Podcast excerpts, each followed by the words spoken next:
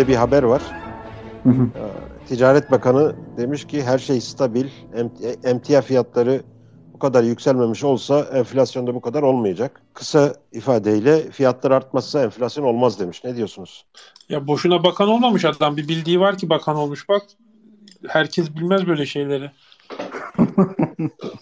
ya dünyada bir şey var. Enerji fiyatları için de söylemiştim bunu. Beni korkuttuğunu da belirtmiştim. Dünyada böyle bir gidişat var ve bu gidişat kötü. Yani bir tek Türkiye'ye, yani dünyaya dünyada üç sorun olursa bizde bir sorun oluyor. Pardon, dünyada bir sorun olursa bizde üç sorun oluyor. Dünya üç iyiye gidiyorsa biz bir iyiye gidiyoruz filan bunlar okey. Yani bunlara biz artık şey yaptık, alıştık ama bir yandan da şöyle bir problem var. Hakikaten dünyada kötüye gidiyor bir emtia fiyatları, enerji fiyatları vesaire fiyatları. Yani insan bazen şey diyor, keşke bir tek Türkiye'nin sorunu olsaydı bu diyor.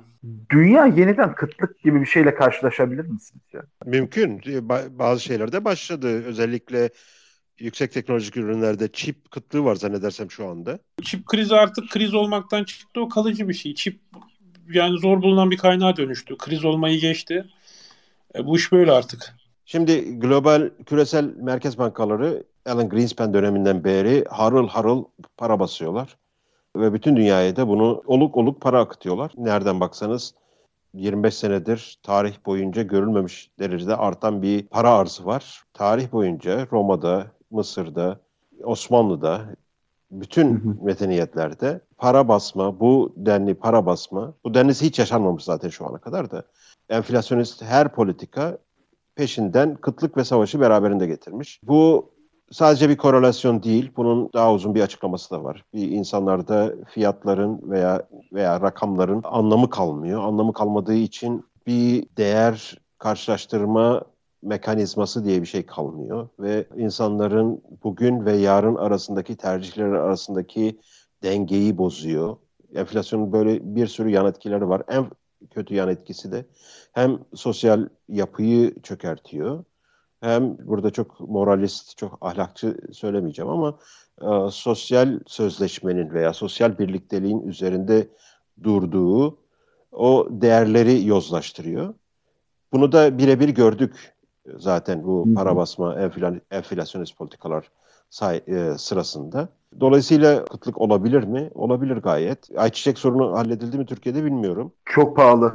Pahalı Sadece ayçiçek şey... olarak değil. Yani aslında ayçiçek yağı falan var da fiyatlar çok uçmuş durumda. Mesela peynir fiyatı, süt, makarnanın bile fiyatında ciddi yükselme var. Şunu merak ediyorum. Bunu yapan var mıdır bilmiyorum. Fiyatlar Türk TL basında ciddi bir şekilde artıyor da bunu günlük veya yıllık bazda karşılaştırma olarak dolar olarak çevirebilen var mı? Biz çünkü daha önce hissetmediğimiz ölçüde bir pozitif sürprizle karşılaştık biz Türkiye'ye geldiğimizde. Bir de tam dolar dalgalanmasının sırasında Özgür biliyor. Tam o günlerde biz Türkiye'ye geldik. Alışveriş yapıyoruz. Ya mağazaya girmemizle çıkmamız arasında yüzde on indirim oldu dolar kurundan dolayı. Öyle bir ya şey. şöyle açıklayabilirim sana onu. Hani o dönem hakikaten dolar 18 filandı. Ve... Şunu soracağım. Tam sorumu sormadım. Yani e, sadece TL bazında mı atıyor artıyor sütün, yumurtanın, peynirin fiyatı yoksa dolar bazında bir artış da Yok, söz konusu Şöyle bir çerçeve çizeyim, fotoğraf çizeyim. Şimdi sen geldiğin dönemlerde işte dolar 17-18 filandı. İşte dolarla kazanan insan kazananlar için Türkiye şeydi. Hakikaten çok çok çok çok çok ucuzdu böyle saçma sapan ucuzdu. Daha sonra şey oldu. Dolar 14'e falan şu an 14-15 arası. Ama fiyatlar müthiş arttı. Yani doların dolar sabitlendi ya bu kur korumalı mevduat geldi vesaire. Esas işte dolar 14-15 arasında oturunca fiyatlar bir anda cozutmaya başladı. Yani sen işte Türkiye'deyken ki dönemden çok sonra şey oldu. Bayağı fiyatlar artmaya başladı. O enteresan yani. Çünkü ya enteresan değil aslında şey de var. Doların ya, maliyeti sonradan geldi. Hem gerek doların gerekse enerji fiyatlarının küresel olarak artması sonucu kademeli olarak bütün fiyatlara girecektir bu. Çünkü doğrudan etkileri var, dolaylı etkileri var. O dolaylı şeyler daha da artacaktır. Ben sadece merak ettiğim eğer do- dolar bazında da artıyor mu Türkiye'de özellikle gıda maddelerinin fiyatları onu merak etmiştim. Onun için de biraz daha erken zannedersem. Yok aslında Onun... dolar bazında artış oldu diye düşünüyorum. Dolar Özellikle teknoloji diyebilir miyiz ona? Teknolojik bazı ürünlerde. Teknolojik bazı ama şeyde de arttı. Yani Avrupa, Amerika, dünyada da artıyor artık. Ee, şey fiyatları eski ucuz şeyler artık kalmadı. Bu yani enflasyonist politikalar yavaş yavaş tüketiciyi ısırmaya başladı. Diğeri de benim sık vurguladığım bir şey bu. Biz 70 birim aşağı yukarı kaba hesaplarla 70 birim enerji almak için 100 enerji harcıyoruz. 100 birim enerji harcıyoruz. Daha sonra bunun faturası da 170 birim olarak tüketicinin karşısına çıkıyor. Ve bütün bu şeyde yani 70'ten 170'e bu yaklaşık iki buçuk katı e, şeyinde bu fiyat gerek tüketiciden gerekse üreticiden toplanıyor ki üreticiden daha yüksek toplanıyor benim anladığım kadarıyla. Avrupa ve daha gelişmiş piyasalarda, daha gelişmiş ekonomilerde trend o yönde. Hatta yeni ve ekstra vergi falan getirmeye çalışıyorlar enerji şirketlerine. Şey vardır, kamu ekonomisinde sık öğretilen bir şey, elastisiti dediğimiz, elastisitinin tam Türkçe karşılığı esneklik mi diyeyim. Her türlü vergi eninde sonunda elastisitisi yani esnekliği az olan bireyler tarafından ödenir. Bu ne demek? Yani siz zenginleri daha fazla vergi versin diye onların üzerine yeni vergi koyabilirsiniz ama bu vergi eninde sonunda daha az esnek davranış şekillerine sahip olan düşük gelirli tarafından ödenecektir. George Baba Bush zamanında Hı. zenginlerden vergi toplamak için lüks tüketim maddelerine işte bunların arasında yatlar vardı. En yüksek vergilerin konulduğu. Onların üzerine bir ciddi bir vergi koydu. O iyi bir ders oldu aslında politikacılara ama onlar ders anlama, dersten anlamadıkları için aynı benzer politikaları e, uyguluyorlar. Sonucunda zenginler esneklikleri yüksek olduğu için davranışlarını değiştirdiler. Bir zengin için yat yerine Karayipler'deki tatilini iki hafta uzatmak, iki ay uzatmak gayet basit bir operasyondur. Yat almak yerine. Dolayısıyla yat almaktan vazgeçebilir gider tatilini orada geç, başka yerde geçirir veya bir dünya turuna çıkar. Dolayısıyla vergiden kaçmış olur. Ee, bu da hani illegal vergi kaçırma olayı değil. Bu davranışını değiştirerek vergiden e, muaf oluyorsun. Vergiyi ödememiş oluyorsun. Yani sigaraya vergi geliyor, sigarayı bırakıyorsun. O vergiyi de ödememiş oluyorsun tarzında bir şey. Onun sonucunda Amerika'nın çoğu yerinde bu yat yapan şeyler, işletmeler kapandı kapandığı için de o yatlarda çalışan işçiler işsiz kaldı. Şimdi vergi zenginleri hedeflemişti ama sonucunda çok fazla kodlamayı öğrenemeyecek esnekliğe sahip olmayan veya öğrenemeyecek durumda olan herhangi bir esnekliği olmayan marina işçileri veya kimler çalışır o şeylerde, tersanelerde veya yatlar nerede yapılıyorsa. Buranın işçileri bunun sonucunda maliyeti ödemiş oldu. Bu enflasyon vergisinde de benzer bir şey vardır. Ve enflasyonun artışında da dar gelirliyi, düşük gelirliyi en fazla vuran vergi çeşididir. Ama şeyde devletler de bunu hı hı. çok sevdikleri için veya hiçbir kısıtlama olmadığı için hemen e, Merkez Bankası'ndan para alıp ki bu şey gene bir para arzını arttırma operasyonudur. Bu neydi? Kamu mevduatı garantili döviz hesabı mıydı? Neydi? Kur koruma. Kur koruma. Kur koruma bu demektir ki biz parayı o, de, o şekilde değil de bu şekilde basacağız şeklinde bir operasyona girdiler. Bu da para arzını arttıracağı için dövizde hatta dolar da enflasyona şu anda dolar enflasyonu da yükselmeye başladığı için burada daha fazla artış e, çok e, sürpriz olmaz ama fiyatlardaki artışın iki şeyinde hem e, küresel fiyatlarda hem Türkiye'deki fiyatlarda bu finansman sorunu ve para basma sorunu var. Yani para basma sorununun direkt etkisi bu fiyatlar üzerinde şey yapıyor. Bunun sonucunda da deminki kıtlık konusundaki soruna cevap olarak şey yapayım. Politikacılar asla veya devlet yöneticileri dünyanın hiçbir tarafında sorumluluğu üzerine almadıkları için ilk başta aç gözlü ticaret erbabını, aç gözlü şirketleri, aç gözlü üreticileri suçlarlar. Bunlar fiyatları arttırdığı için enflasyon yükseliyor derler. Hemen suçlu e, olarak fingerokrasi diyoruz. Hemen parmakla gösterdikleri için. E, hemen parmakla onları gösterirler. Bu da çok kolay inanılan bir hikaye olduğu için çok bariz. Ya bak güneş oradan doğdu, bak hareket ediyor, akşam burada battı şeklinde çocuğu anlattığın zaman bu çocuğu hemen kandırabilirsin. Hı hı. Bu yok aslında şöyle bir dönüyor dönen de dünya. Dünya işte bak burada e, biz daha yeni yaptık bizim çocuklarla e, el feneriyle e, globe üzerinde gece gündüz yaptık. O zaman anlıyorlar ha demek ki falan diye. Tabii bu çok basit olan bir hikaye. Basit olan bir hikaye işte üreticiler fiyat arttırıyor. Bunlar aç gözlü. Bunlar aç gözlü olduğu için fiyatları arttırıyorlar. Sizin kanınızı emmiyorlar. Ee, bu da iyi satıyor. İnsanlar üreticilerden üreticilerden şikayet ediyorlar. Hatta ara insanlardan şikayet ediyorlar.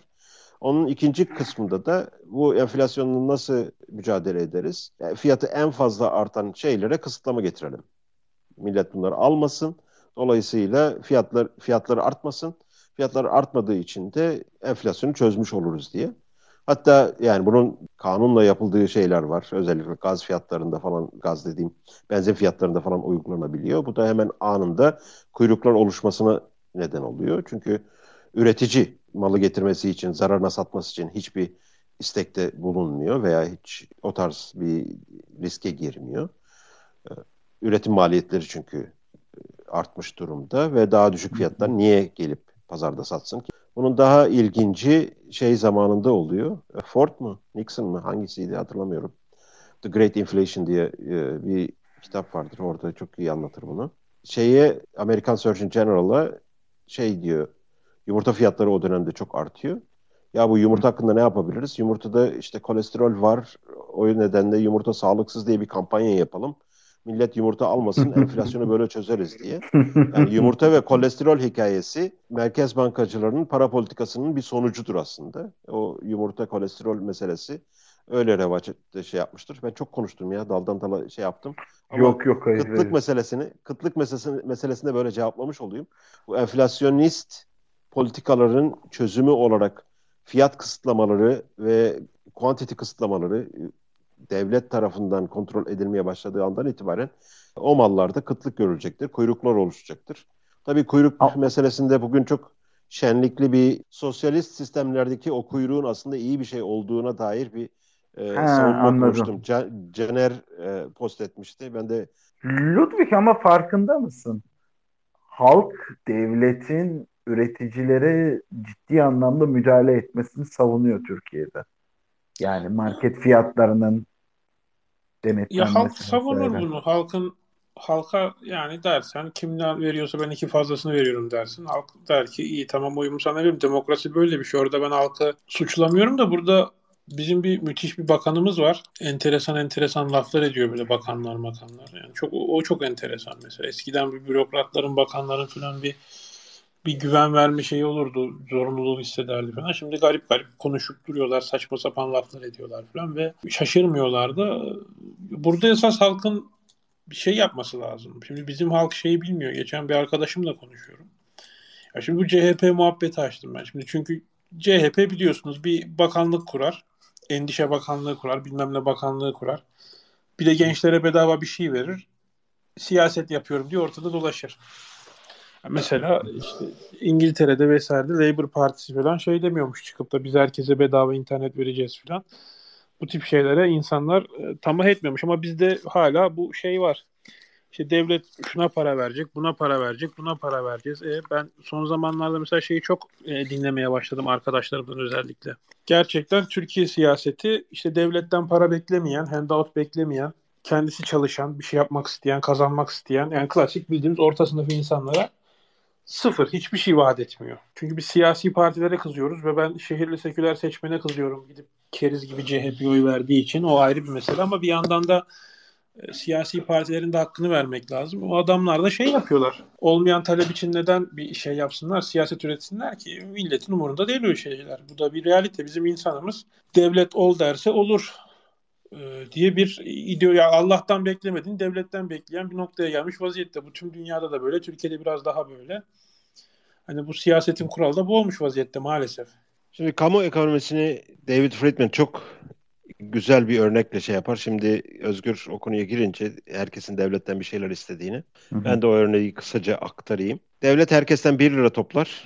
10 kişi varsa sonra çekilişle bunların bir tanesine 5 lira verir. Bu 5 lirayı kazanan çok sevinçlidir. Tekrar devlet herkesten 1 lira toplar. Bu sefer başkasına çıkar 5 lira.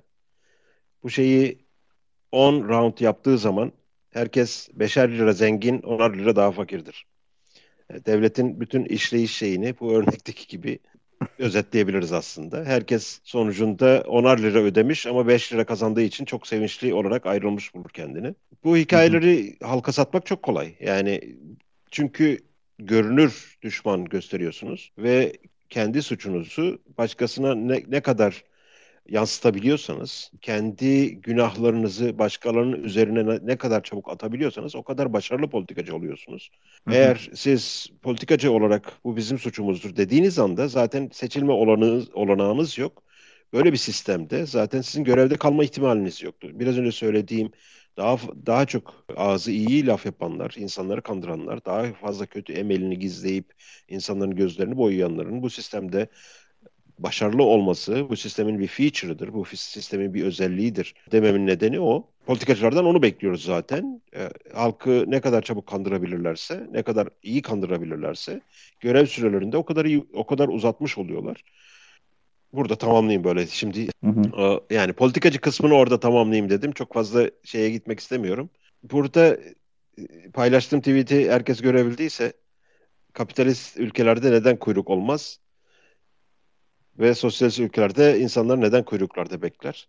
Şimdi insanlar bir şeyin fiyatını çok iyi incelemedikleri zaman sadece o etiketin üzerinde yazan şeyi hesaba katarlar. Ben buna 5 lira veriyorum. Cebimde 10 lira var Hı-hı. alabilirim şeklinde.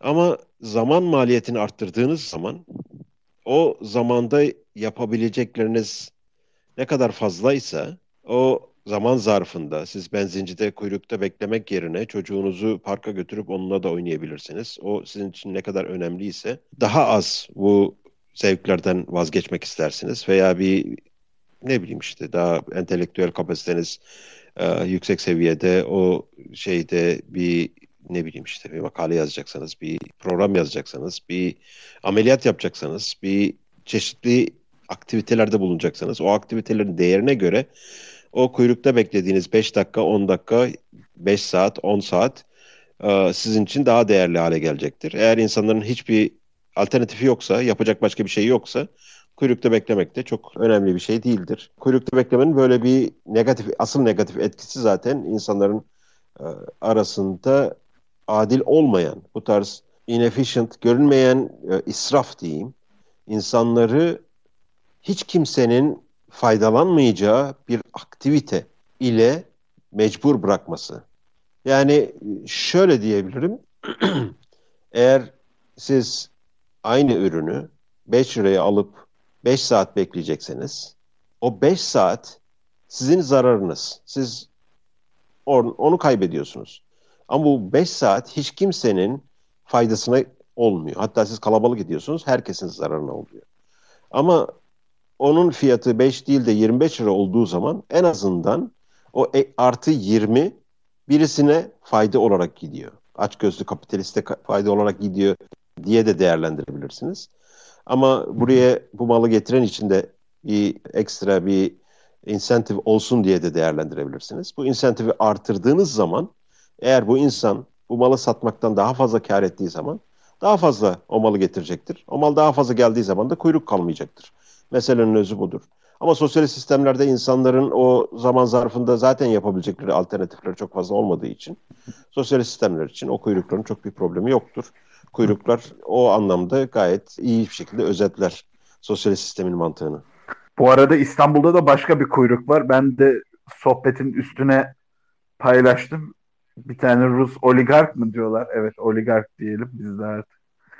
İstanbul'da ATM kuyruğunda.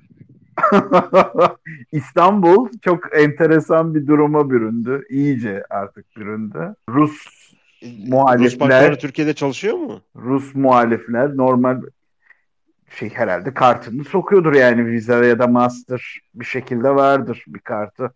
Ama yani entegre mi? Bir Rus bankalarını kapatmadılar. Hiç Rus bankasında hesabım olmadığı için bilmiyorum. yani bir şekilde kullanıyorlar.